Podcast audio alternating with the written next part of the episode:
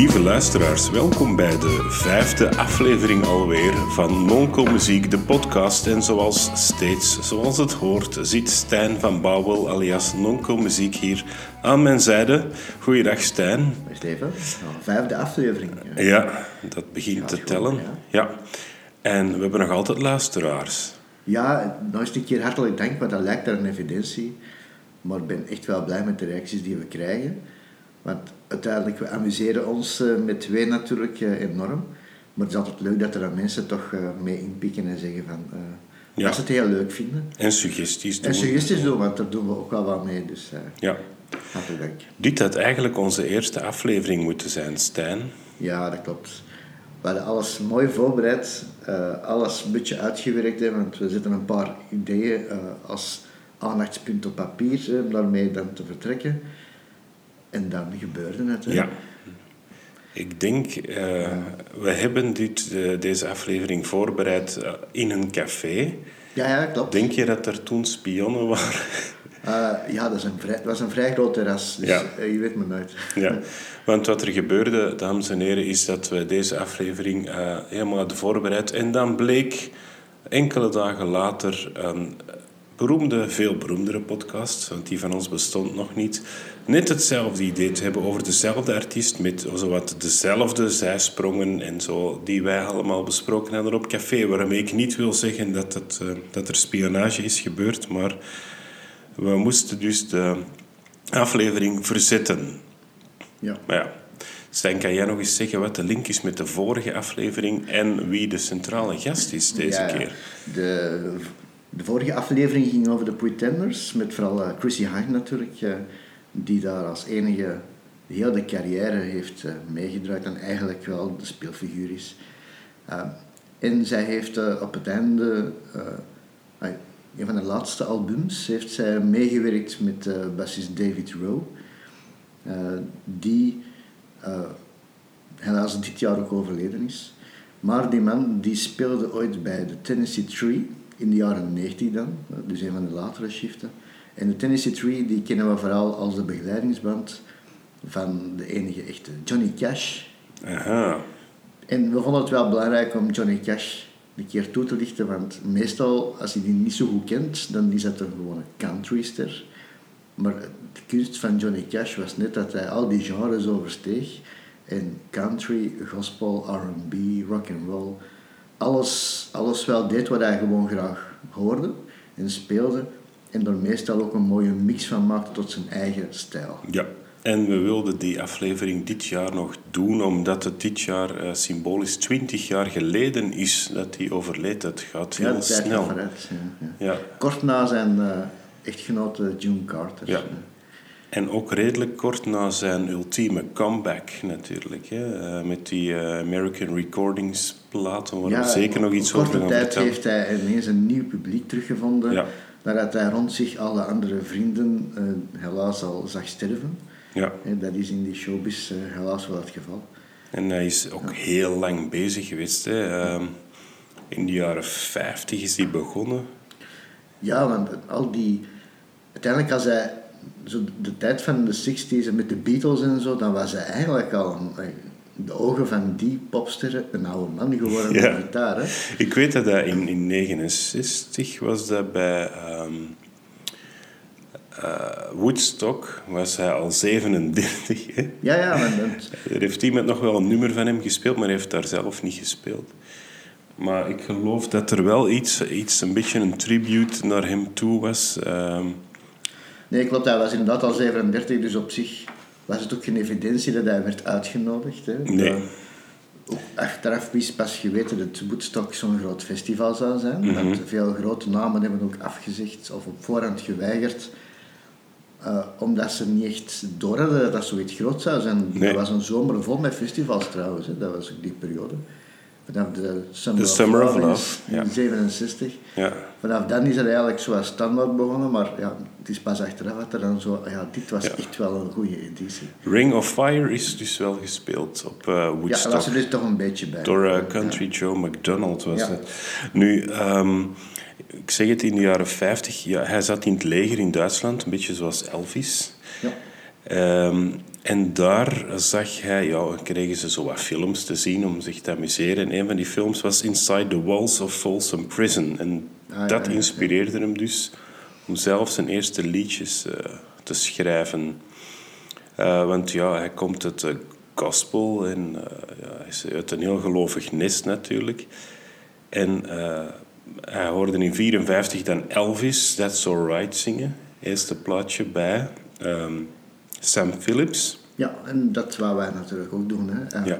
hij wou ook muziek maken. Hij luisterde vroeger al heel veel naar de radio, vandaar dat hij ook Elvis heeft opgepikt en andere sterren. En hij wou ook zelf graag muziek maken. Ja.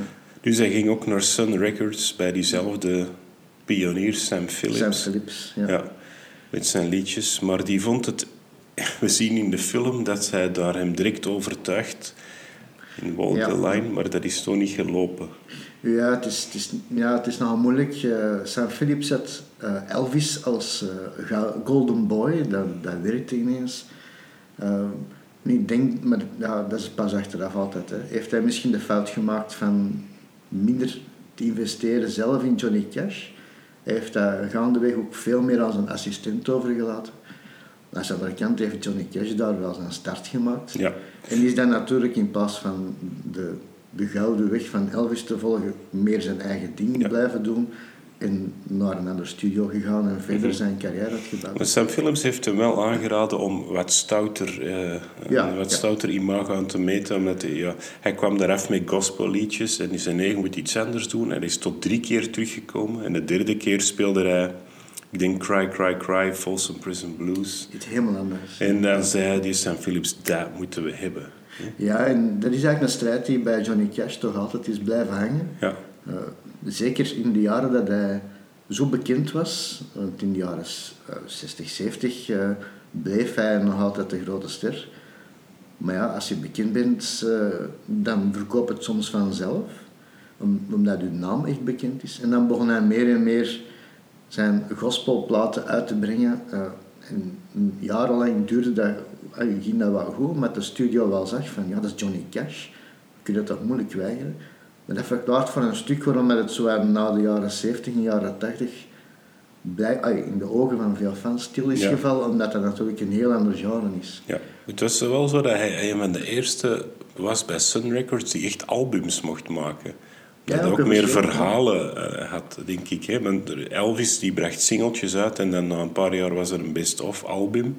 Hij mocht, mocht direct platen maken. Ja, een verschil misschien ook met Elvis. Elvis heeft eh, nooit zelf geschreven. Als je ergens zijn naam ziet staan, dan is dat eh, door de kolonel, die, Colonel Parker, zijn manager, die soms onderhandelde om de naam van Elvis als songwriter mee op het nummer te zetten. Dat is ook een van de redenen waarom dat, Elvis nooit het nummer I Will Always Love You van Dolly Parton heeft gecoverd. Eh, Dolly Parton was vereerd omdat hij dat zou zingen, maar de kolonel deed wel moeilijk. Wou de, een deel van de rechten in Ja. en zo. En Dolly Parton zei van nee, dat kunnen we veel proberen, maar niet Ja. mij. Achteraf een goede zit, want het is dan een mega-hit geweest eh, door Whitney Houston. Dus Ja, ze heeft er wel zeker haar geld Dolly Parton nee, eh, moet niet zien op een boterham. Ja, maar ja. zeggen. Maar Johnny Cash, die, ja, die heeft ook heel veel die oude traditionele nummers gezongen. Dus hij coverde ook wel veel. Maar tegelijkertijd had hij wel de, de kunst van zelf teksten te schrijven, zelf muziek te maken. En dat is een mooie mix. Eh, heel veel van zijn hits zijn door hem zelf gemaakt. Ja, ja. En dan weer ook gecoverd door weer anderen. Hij is een grote invloed geweest. eh, Ja, ja, andere zeker, artiesten. zeker, ja.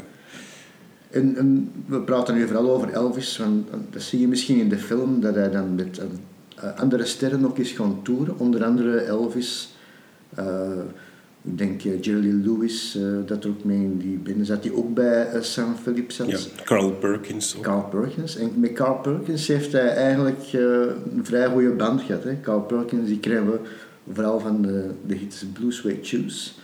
Dat dan helaas Elvis weer heeft Ja, ja. ingepalmd. Maar Carl Perkins heeft de originele song daarvan gemaakt. Die hebben elkaar altijd wel wat gevonden. Ze hadden alle twee ook drankproblemen. Eh elkaar ook gesteund. ja. Eh, gesteund op de juiste momenten. En Carl Perkins heeft ook eh, niet alleen eh, Johnny Cash begeleid in Folsom Prison, maar ook mee het voorprogramma verzorgd. ja. Johnny Cash heeft trouwens met Carl Perkins en Jerry Lee Lewis en zelfs Elvis een jam sessie gedaan in de studio van Sun Records. Ja. En dat, is, ja, dat was in de jaren 50, 56 was dat. Maar, eh, en de pers noemde dat toen de Million Dollar Quartet. Ja, die waren toen al zo populair. Ja, ja. Maar pas in 1981 is, daar, eh, is de officiële opname ervan gereleased. Dat is wel een document. Ja, want dat, was echt wel een spontane opname. Dat klinkt achteraf heel raar, maar die, die zaten allemaal bij Sun Records. Eh, en op een bepaald moment ja, waren er een paar muziek aan het maken, de andere sluit aan en voor je het weet zit je met vier wereldsterren Ja. eh, geweldig spontaan muziek te maken. Nu, om, eh, om het hoofdstuk Sun Records eh, af te ronden. Sam Phillips stopte ermee eind jaren 60. Ja. Ehm, hij, is, hij is net zoals Johnny Cash opgenomen in de Rock and Roll Hall of Fame. Ja, terecht ook. Hè. Ja. En ze zijn allebei in hetzelfde jaar gestorven, in, in, allebei in Tennessee. Dus 20 jaar geleden, ja, in 2003. Ja, hier kan je moeilijk zeggen dat het aan een band schept. net. Nee, nee, dat zal niet. Nee, in, eh, ja, ik denk dat die allemaal hun eigen weg gingen. Eh, Elvis zat dan met zijn kolonel.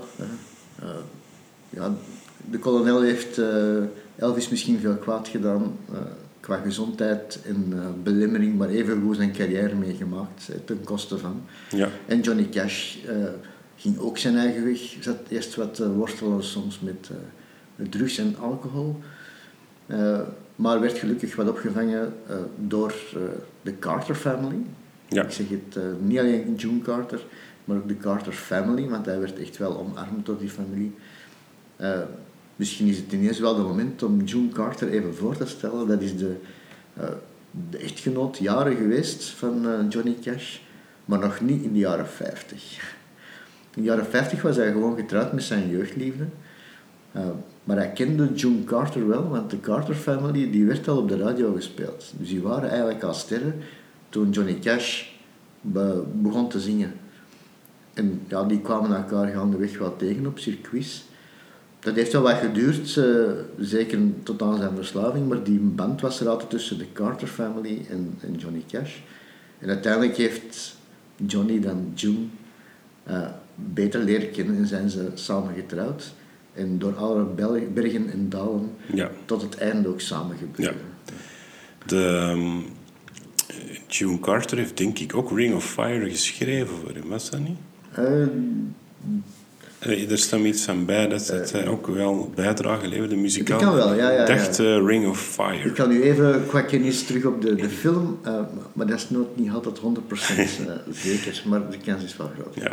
Of misschien toch een samenwerking geweest. Ja, ja, sowieso, sowieso.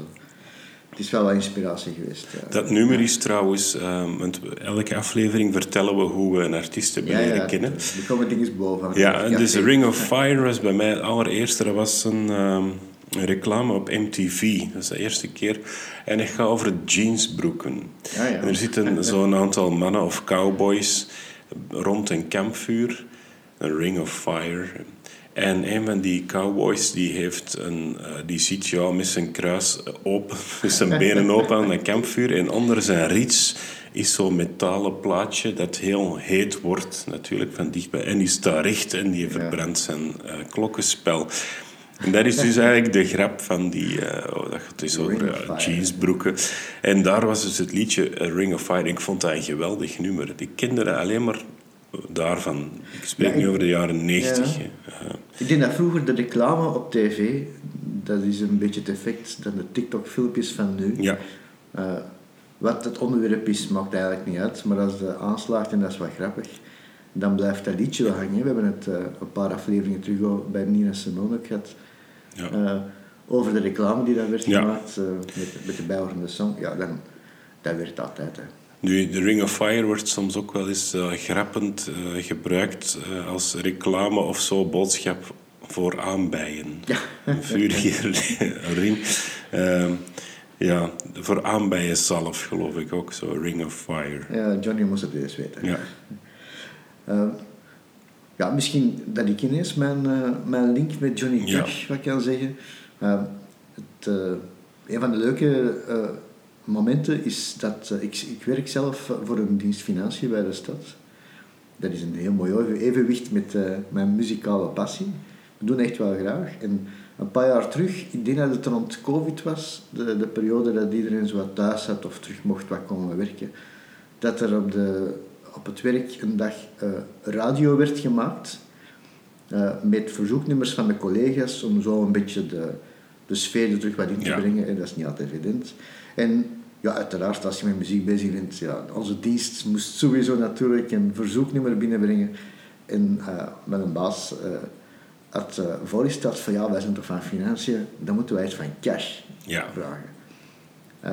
Maar ja, wat vraag je dan van cash op zijn hele eh, lange carrière natuurlijk. En dan hebben we gekozen voor een min- minder, een beetje atypisch nummer.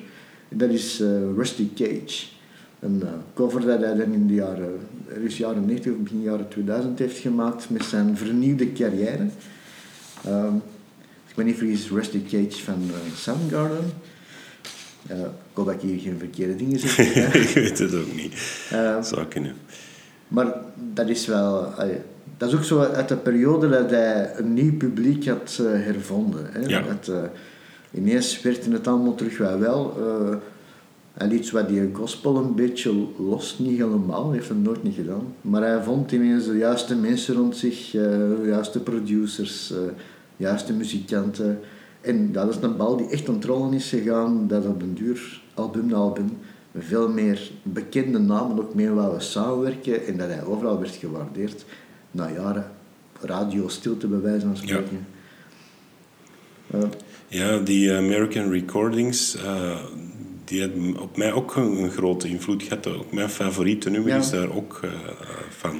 Dat is eh, God's Gonna Cut You Down. ah ja. Een zalig nummer met dat stampen en dat klappen. Ja, En in dat clipje kan je effectief zien wat jij zegt, dat zoveel andere artiesten, dat is, die komen er allemaal in. Hè?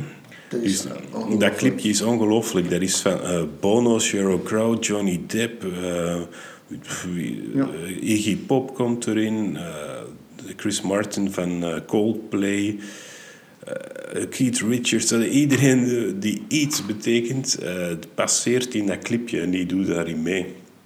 Ja, ik denk dat het een beetje begonnen is met de cover in eind jaren 80 zeker, dat hij gemaakt heeft met U2. Eh heel allemaal U2 heeft eigenlijk al... eh, Bono wordt ons wel lacherig mee gedaan, hè, met zijn activisme en eh, zijn altijd vrolijk gezinde eh, uitspraken en speeches. Maar uiteindelijk heeft hij onder andere niet alleen Lou Reed in een tijd terug op het juiste pad gebracht en een nieuw publiek gebracht, maar ook Johnny Cash. En dat was een enorme klik tussen die twee. Ja. Die hebben dan samen een duet opgenomen en ineens heeft Johnny Cash op die manier zo, ah, de, de mensen horen mij nog altijd graag, ze zijn mij toch niet vergeten en er zijn nieuwe mensen die mijn muziek willen leren kennen. En dan heeft hij zo die klik gemaakt van, ja, misschien moet ik dan terug andere dingen gaan doen. En is de- die bal wat aan het rollen gegaan. En dan is eigenlijk die producer Rick Rubin, de, Ja. de man achter de American Recordings, eh, heeft dan eh, samenwerking gedaan met eh, Johnny Cash. En op een heel goede manier, door niet te overproduceren, want dat werd soms gedaan. Hè. Probeer- soms probeer- probeerden producers zelf artiest te zijn. Eh, wat in veel gevallen wel werkt, eh, voor alle zekerheid, maar in plaats van de artiest centraal te zetten. En hij heeft gewoon gezegd van Johnny, pak je gitaar, ga op de stoel zitten en doe je ding. En dan Ja. gaan we wel zien hoe dat we dat kunnen vastleggen op een natuurlijke manier. En ik kom je nummers aanbrengen, jij gaat zelf eh, met voorstellen komen en je, neemt gewoon op wat dat je graag hoort en graag speelt. Mhm. En dat zijn dan die mixen van heel veel bekende covers, van zelfs grunge-platen. hè. De Nine Inch Nails, eh, Hurt, bijvoorbeeld. Dat, ja. dat, is een, dat, is een, dat is een rocknummer van Nine Inch Nails. Ja. Dat is industrial muziek, ja. Ja. bijna, ja. gewoon, dit is leuk en daar kan je iets mee doen, want ook al is hij misschien veel harder en veel moderner, die tekst is in orde en die melodielijn, dat werkt ook op een akoestische gitaar. Er is trouwens over dat nummer een interessante ehm, documentaire, documentaire aflevering op Netflix van de serie eh, Song Exploder. Ah ja. Moet je zien hoe dat, dat nummer helemaal is opgebouwd. We spreken natuurlijk ook over die cover. Moet, moet je zien. En wat ik ook interessant vond, is de link eh, met Bob Dylan, uh, toevallig. Want die Rick Rubin, Johnny Cash, zien spelen in 92 uh, op Bob Dylan's uh, 30-jarige carrièrefeest. Ja, daar is het wel begonnen. Hè? En ja, daar- elkaar echt leren kennen. En leren kennen. Tom Petty was er geloof ik ook. En in 94 zijn ze dan die plaat begonnen. Ja. De eerste van de vijf American Recordings. En dat was toen met Tom Petty en, de, en zijn band. Hè.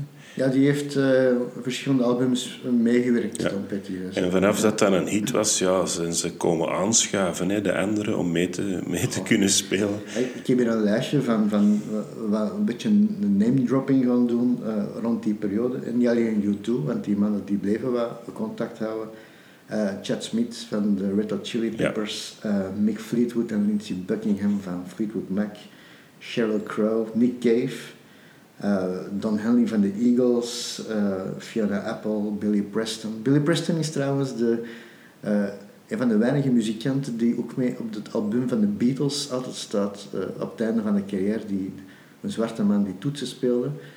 Eh, en die ook nog eens bij de Rolling Stones heeft gespeeld in een Oh. eigen carrière. Dus dat is ook Overal. een aparte aflevering. Ja, dat is waar. Maar dat is echt een eer eh, om die mee te hebben. Net toen je zei van eh, Bono en, en, en, de band die ermee heeft, zeg ik zo, zo allebei in zwart met, en Bono met een zonnebril. Dan moest ik denken aan Ja. een andere Man in Black. Dus Johnny Cash werd altijd de Man in Black genoemd. Ehm, maar Roy Orbison, Ja. daar had hij een heel aparte band mee, toch? Ja, ik dacht eerst aan de, de film Will van Will Smith. dat is Ja. misschien wel een vierde. eh, Ja. Dat is helemaal andere muziek. eh. Nee, maar Roy Orbison, eh, ja, die hadden echt wel een band. Die zijn zelfs eh, een tijd buren geweest. Roy Orbison heeft echt wel zwarte sneeuw gezien in zijn, in zijn leven. Op een bepaald moment ja, zijn, eh, ik heb gezien dat ik het juist heb, zijn zoon is overleden, twee zonen. In, in eh, brand. een brand in dat huis hè, dat eh, naast Johnny Cash stond. Eh, dat heeft een serieuze klap gegeven aan, aan, het, aan het, ja, het leven, het, het, het welzijn van Roy Orbison. En ja, hij is dan ook verhuisd, want hij wou niet meer op die plek zijn. Maar Johnny Cash heeft dan dat huis opgekocht, omdat hij niet wou dat er dan iemand anders ging wonen. Hij heeft het laten afbreken en heeft dan twee bomen geplant ter Dat is tribute mooi. als ode aan die twee zonen.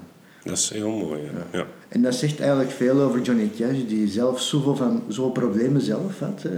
Eh, met die drugs, met die drank. eh, eh, ook thuis met zijn vader, die een band was nooit niet goed. Hij komt trouwens uit het zuiden, dat heel conservatief is. En tegelijkertijd was hij toch vrij progressief. En, zei hij gewoon zoals het is. ja. Ik zie mij nog voor mij, dat we helemaal afweken, een, een, maar dat mag hier, hè.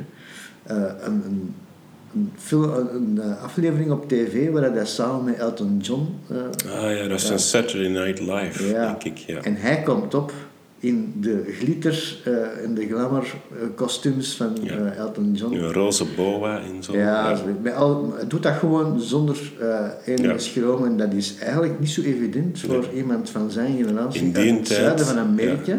Waar hij, eigenlijk, hij heeft ook veel zwarte trouwens uitgenodigd op zijn Ja. tv-shows. Eh, Elton John, bij die aflevering was dan in het zwart gekleed, zoals Ja. eh, Johnny Cash altijd. Ja. Ja, daar trok hij zich niks van aan dat Hij het een gay werd genoemd of zo. Eh, Nee. Hij deed dat gewoon, dat is waar. Nee, dat is zoals dat nummer, A Boy Named Sue.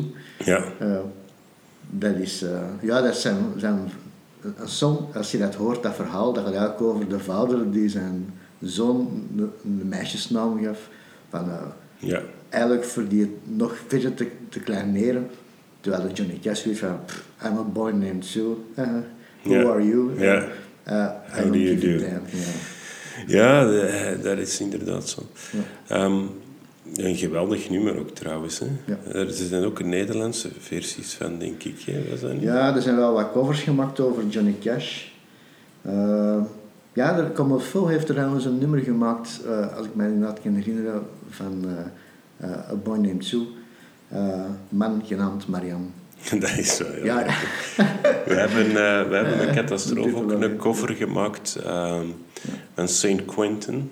Ah, ja, over de gevangenis, het Begijnenstraat. Begijnenstraat. Dat is dan St. Quentin, I hate every inch of you. En bij ons is dat Begijnenstraat, een eerste klas hotel. en dat gaat dan over mensen die daar over de muur klimmen om daar binnen te geraken.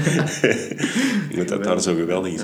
Het grappige is, dus er is een link eh, met Catastrofe, maar daar is ook het lijflied van een coverband, de Dieven, die daar ook altijd hun optreden mee beginnen. Ja, ja. Ook een Antwerpse groep die ook covers spelen van liedjes die ik heb geschreven. Ehm, dus dat is wel grappig hoe dat dan verder gaat.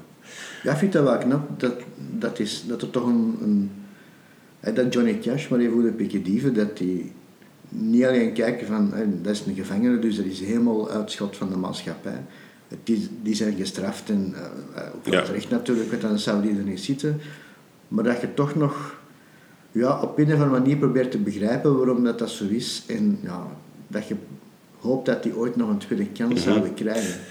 We hebben dat ook letterlijk, en ik denk zelfs de Pikkedieven ook, in de gevangenis gaan spelen Ah, ja. voor de gevangenen. Ja, ja dat is wel fijn. Ja. Trouwens, eh, in Deurne hebben we de Chris, eh Chris Kale, de, de, de zanger van uh, Sint Andreas Messies. ja. Eh, en die werkt ook af en toe samen met eh, gevangenissen. Ja, dat is eh, juist. ja. Om daar inderdaad met de gevangenen daar eh, in contact De te komen. scale. De scale, Ja. ja. Ja, inderdaad. Dat is ook een heel goede beatboxer. Hè? Ja, ja. Ja. En die hebben wij eh, vorig, jaar, ja, vorig jaar de cultuurprijs in Deurne trouwens gegeven. Ja. De man kan veel meer dan alleen maar... Ja, met catastrofe af en toe wel Dus eens is wel, echt een topkerel. ja, samengewerkt. Zo. Ja. creatief. Ja. Ik heb trouwens nog een Belgische link, want daar zorgen we ook altijd voor. Ja. Ik heb ehm, vroeger, allez, vroeger, een jaar of 17 geleden denk ik, vertoefde ik nogal veel in de Kempen, omdat mijn vrouw daar vandaan komt en die organiseerde er dikwijls optredens, onder andere van Catastrofe, maar ook van ehm, bands, eh, lokale bands. En daar trad ik altijd, eh, nee, altijd op met de Lonesome Lennies. En die, dat was een rockabilly groep die heel veel nummers speelde uit de jaren 50. Ja, we moeten rekenen, waren tieners, prille twintigers. En die speelden toen eh, ja, Folsom Prison Blues en zo. En dat, was echt, dat is echt cool. In de jaren ja, rond 2500 of zo, en, daarvoor nog, was er een grote heropleving van Rockabilly in de Kempen. Met de baboons en zo, Ja. de seed sniffers. Ja, ja, ja. eh. en daar heb ik dus eh, die mannen leren kennen. En als wij samen moesten optreden ergens, dan sprong ik altijd even op het podium om eh Folsom Prison Blues mee te zingen. En later is die zanger, heeft, die heeft nu een nieuwe band, School is Cool. Hè? Dat is eh, Toon van Balen, die speelt er nu bij. Ja. Dus en ik heb nog eens gevraagd van Toon, hoe zat dat vroeger nu weer? Hoe ben je erbij gekomen? Dat is eigenlijk een hele goede invloed eh, geweest op zijn muziek. En ja, School is. Cool is nu een grote band. Dus, eh, dus, ehm, en hij vertelde dus, ja, hij heeft dat leren kennen toen hij 16 was. eh, met een klasgenoot, Nick van de Vel. Dat zijn ze eerst met twee en dan met een contrabassist en een drummer erbij, de Lonesome Lennies, gevormd. En die waren dus beïnvloed door inderdaad Carl Perkins, Presley, Jerry Lewis en Johnny Cash. En dankzij, ja. ja, en dankzij Johnny Cash, zei hij, heeft hij zo de kracht, de coolheid en de rauwheid van zo de country leren kennen. Want daarvoor vond hij dat allemaal nogal flauw en gedateerd. Maar rockabilly is... Ja. En natuurlijk kwam ook die film Walk the Line uit, waar de, Ja. de- in, bij de jeugd een hele grote heropleving was. En ja, dus eh, en daardoor, ja. En wat hij zegt, wat typisch cool was om te spelen, is die boom chaka boom chaka. Ah ja, ja, ja. Ja? Dat is inderdaad wel heel herkenbaar. Dat is een beetje die R&B dat er zo wat Ja. komt in de, in de kant. En nu heb ik eens als muzikant opgezocht hoe dat, dat kwam. Ja. En blijkbaar had Johnny Cash een dollarbiljet tussen zijn snaren steken soms, eh, als hij optrad met de Tennessee toe, Ah, ja, om een soort drum na te doen. Ja. En nu heb ik dat toevallig gewoon de eerste keer dat we in onze uitzending live muziek gaan hebben. Ik heb mijn gitaar hier liggen. En ik had toevallig nog een briefje van een dollar. Het Ja, ik wou juist vragen, gaat dat ook met andere Ja, het is, het is, het is 5 We willen dat- dollar. Ja, we willen het natuurlijk authentiek houden Ja. en ja, de kwaliteit van Ja. het, het, eh, het briefje kan ook wel verschillen natuurlijk. dan ben ik wel blij dat Steven eh, gitaar speelt, want ik speel zelf uh, mijn eigen poging dan toch uh, toetsen, piano. Ja, daar ben je niks mee als je Johnny Cash uh, Ja, dat weet ik niet. dus ik, ik probeer een stukje te laten horen. Dus ik heb in mijn gitaar, ik heb er een briefje van 5 dollar, dus het is niet helemaal hetzelfde dat is met de inflatie, als bij cash, maar ik zal eens proberen.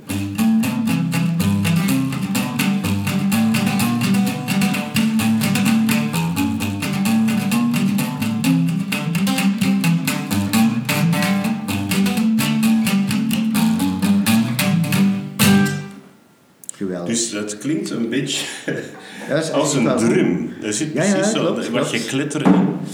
Uh, en dat is dus eigenlijk wat hij dus wou bereiken, dat er zo precies ook zo uh, een snare ja. in zat. Dus het is gewoon een uh, dollarbiljet tussen de snaren steken. Vreemd.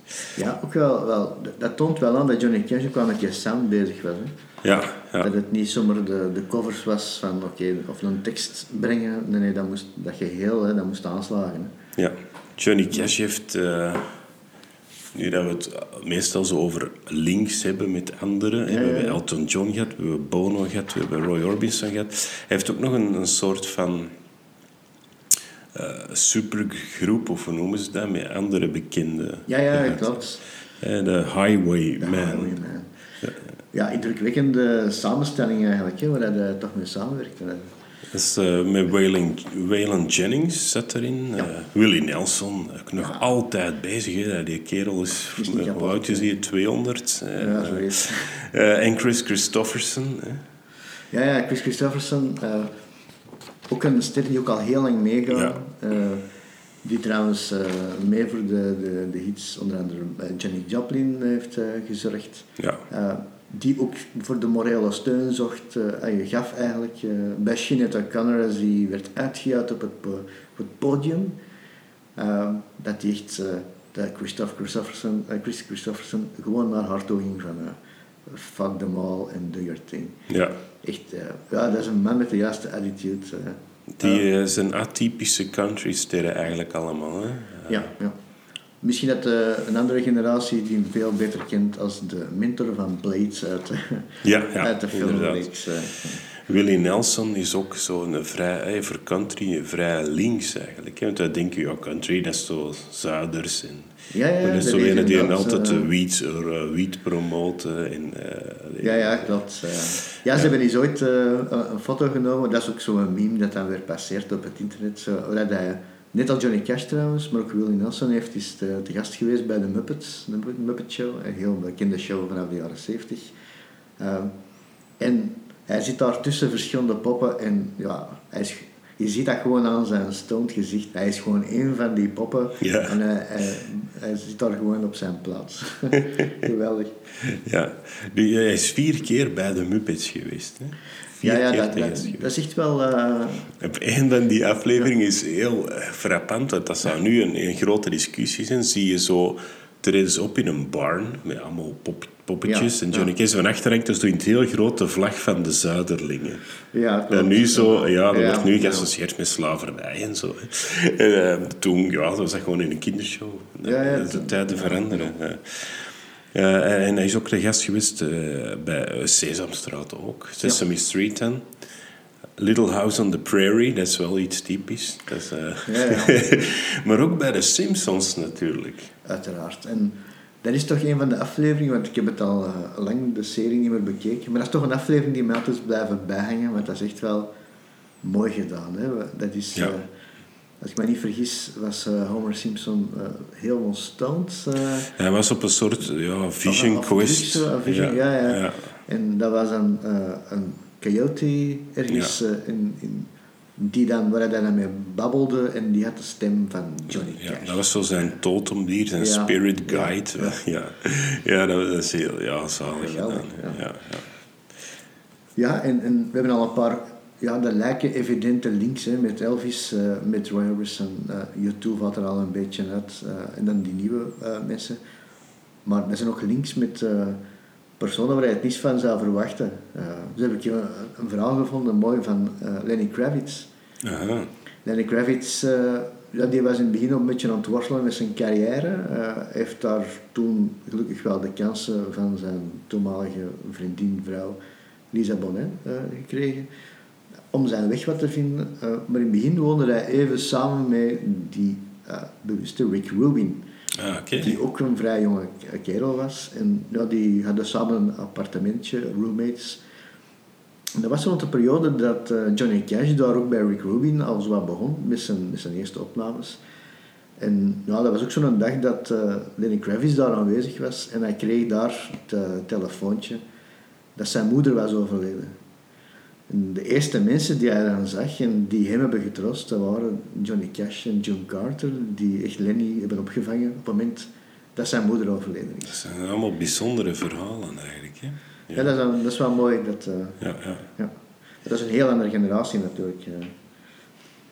En ja, die liefde van, van uh, Johnny en June, dat is ja, misschien ook wel door het geloof dat hij altijd heeft meegedragen, dat hij het huwelijk belangrijk vond. Aan de andere kant was zijn tweede vrouw, dus dat, is, dat spreekt hij misschien tegen. Maar hij heeft er altijd door alles, alle stormen die ze hebben doorwouden, want het ging ook later niet altijd even gemakkelijk natuurlijk. Nee.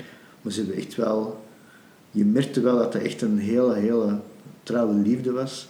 En er werd ook bezongen natuurlijk in, in songs. Uh, Johnny and June. Een van de songs waar het in voorkomt is trouwens van het nummer uh, Emmylou van First Aid Kids. Uh, twee zussen uit Zweden, als ik me niet vergis, die ondertussen ook al internationaal bezig zijn. die hebben op de rechter gestaan en zo.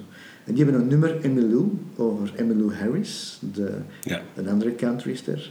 En in dat nummer zingen zij over een paar koppels, onder andere over Johnny en June.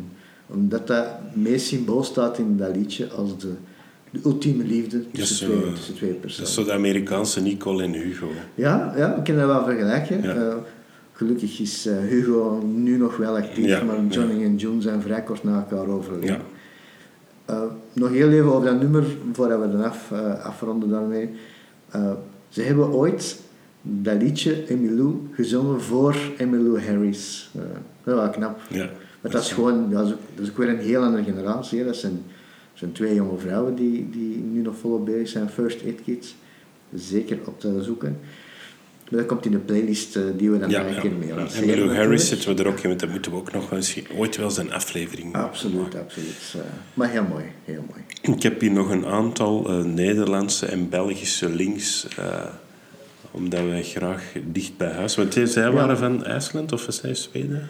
Zweden. Zweden. Ja. ja, we hebben natuurlijk Johnny Trash, dat iedereen wel ondertussen ja. wel kent. Dat is zo de Belgische persiflage. Uh, ja, half, ja. Uh, half comedian, half uh, Ja. Johnny Cash Ja. tribute, zanger. Ehm, Wat ja. Ehm, dan had ik hier nog ja, bijvoorbeeld dat, dat nummer Icon van Daan, als je dat beluistert. Ja, de- Dat is geïnspireerd door Cash. hè. Dat, dat hoor je gewoon. Ik vind ook een geweldig nummer trouwens.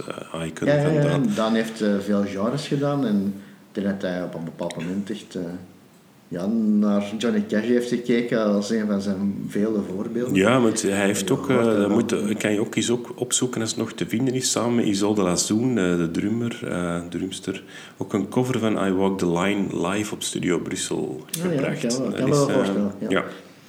En natuurlijk de film Broken Circle Breakdown. Ehm, er komen een aantal nummers in die Cash ook heeft gespeeld. Eh, Jackson, dat ik oorspronkelijk heel belachelijk, maar ik kende dat door een cover van De Mannen van de Pacht. En dat is een Antwerpse band, ken je die? Ja, de mannen van de pak. De Antwerpse band die, van eigenlijk mensen die werken bij de Velker. Hè. Ja, ja, ja klopt. Eh, die hadden dus een liedje. Ik, ik, ik was toen fan van Catastrofe, of, of ik was er juist bij, ik weet het niet meer. En die kwamen dan dat singeltje brengen. We zingen ook in het Antwerps. en eh, dus daarvan kende ik het eerst. En- Uit in die film, dat is inderdaad eh, de Broken Circle Breakdown. Eh, die band heeft trouwens de, de, de soundtrack die, als ik me niet vergis, de best verkochte soundtrack hier in België. Een Belgische soundtrack ooit. ja. Zo is het. En die hebben dan een tijd op contouren geweest. Eh, wie de film nog een beetje kan herinneren, dat is ook al even geleden, over, een, een, over een man die al lang country en rockabilly zingt en de liefde voor Johnny Cash en de Carter Family en alle s- nummers rond die periode, heeft dan een liefde eh, eh, gespeeld door vele bates. Die krijgen samen een, een kindje, een dochtertje, eh, en ze noemen die Maybelle.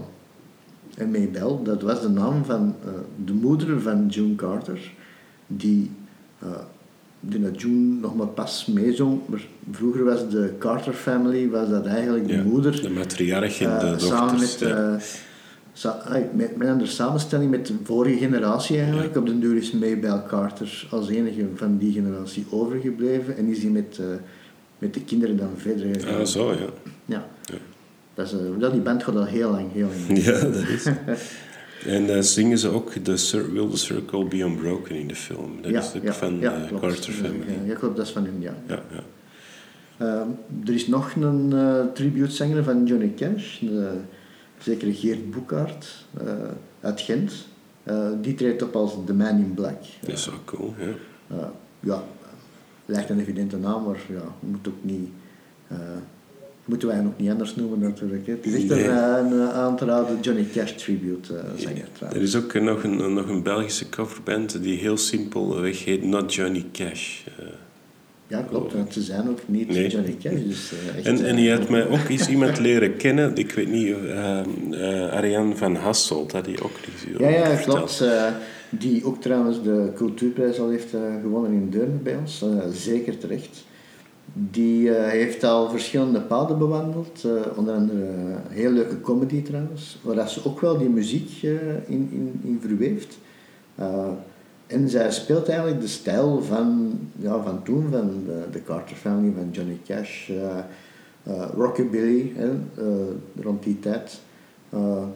Al dan niet met eh, eigen leuke teksten erop. Ze heeft ook een, een band. Ik weet niet wat ze nu nog met die band optreedt, maar ze is wel nog altijd eh, muzikaal actief.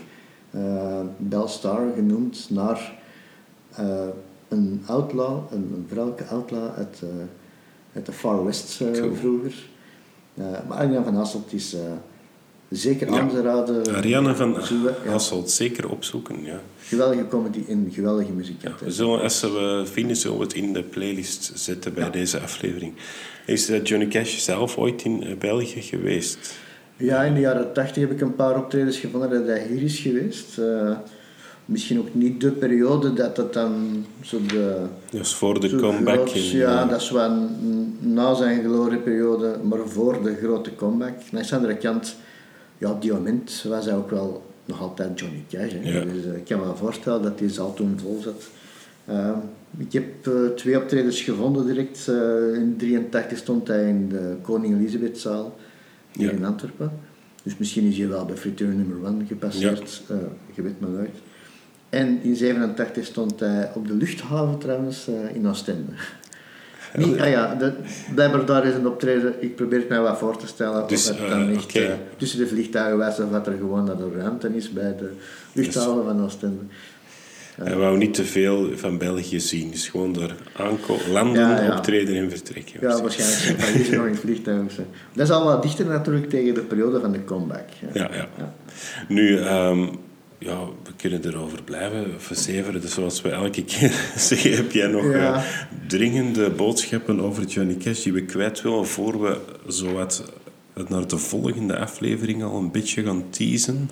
Nou, wel, ik ben even aan het kijken. Misschien nog om af te ronden. eh, waarom draagt hij zwart? En ik heb dat aan het opzoeken geweest, want dat lijkt me wel fascinerend. Waarom draagt nu zo iemand zwart? Mhm.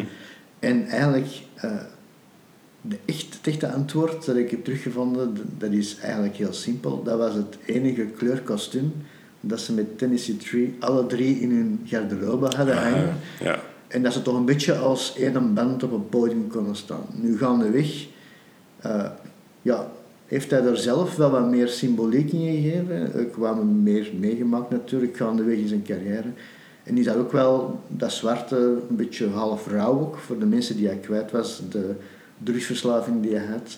En hij is dat echt wel blijven dragen, ook bewust zelf. eh. Ja. Want hij heeft in het begin had hij ook nog een paar andere kostuums trouwens. Eh, maar als ze echt in het begin begonnen met de eh, Tennessee Tree, ja, dan moesten ze toch een beetje als ja. één aan band gaan. Hè? Niet één met een pul, Nee. de andere met een zwart kostuum en dan nog ineens een jeans. ja. En Ze zijn hadden ook, niet veel budget en dat was het enige ja, dat we toch zijn er ook wat eh, was. heel consequent in. Ik zeg, Ja. allee, dat, dat is tot zwarte sokken toe. Hè. Dat de man had, Ja, gaandeweg natuurlijk Ja. had hij ook wel door dat dat mee zijn imago wat bepaalde, Ja. eh, vrij snel. En eh, is hij altijd blijven doen als The Man in Black. Ja. Eh, ja. Waar ook een nummer trouwens over gemaakt heeft. eh, om zich toch een beetje voor te stellen, bij wijze Ja, van ja. spreken. Ja. Ja, eh, volgende keer hebben we eh, een link eh, nodig voor volgende keer. Ja, en ik heb een, een heel boeiende link gevonden, want de artiesten, we hebben, terug een artiesten, we Ja. proberen echt wel heel breed te gaan. Ehm, die heeft een quote en de handtekening van Johnny Cash op haar arm getatoeëerd. Ja. Dat is al wel een mooie band, hè. Dus, Ja. ja. ja. een vleeselijke Dat heeft ze band. niet gedaan om de link te maken bij de Nonco Muziek podcast, maar toch bedankt Ja. alvast. hè. En dat is een, een artieste waar, we normaal, eh, waar ik normaal gezien niet echt naar zou luisteren, maar dankzij jou heb ik haar een kans gegeven. Want Ja, we hebben eh, al in de voorbije vijf afleveringen eh, ou- oude rotten eh, besproken, zal ik maar zeggen. Ja, Die soms is dat gewoon soms al dood, hebben- soms nog leven. Ja, die hebben natuurlijk ook al lange tijd. eh Ja. gaat om verhalen eh, te maken die weetjes in die muziekgeschiedenis. Ja. Dus ja, dan ga je naar iemand die al langer bezig is Ja. natuurlijk. En nu eh, gaan we dus de volgende aflevering doen over iemand eh, die nog steeds aan de top staat van de popmuziek. We gaan het gewoon zeggen, hè. Eh, dat is de enige echte, Miley Cyrus. Ja. En we gaan aantonen met de vele verhalen en weetjes en hopelijk tips om te luisteren dat het meer is dan alleen maar een eh popzangeres Ja. eh, die zich wil laten zien. Ja. Ja. Oké, dankjewel voor het luisteren. Dit was eh, onze vijfde aflevering over Johnny Cash en we verwachten jullie de volgende aflevering terug helemaal rond de figuur van Miley Cyrus. Tot ziens! ja, en goed thuis allemaal.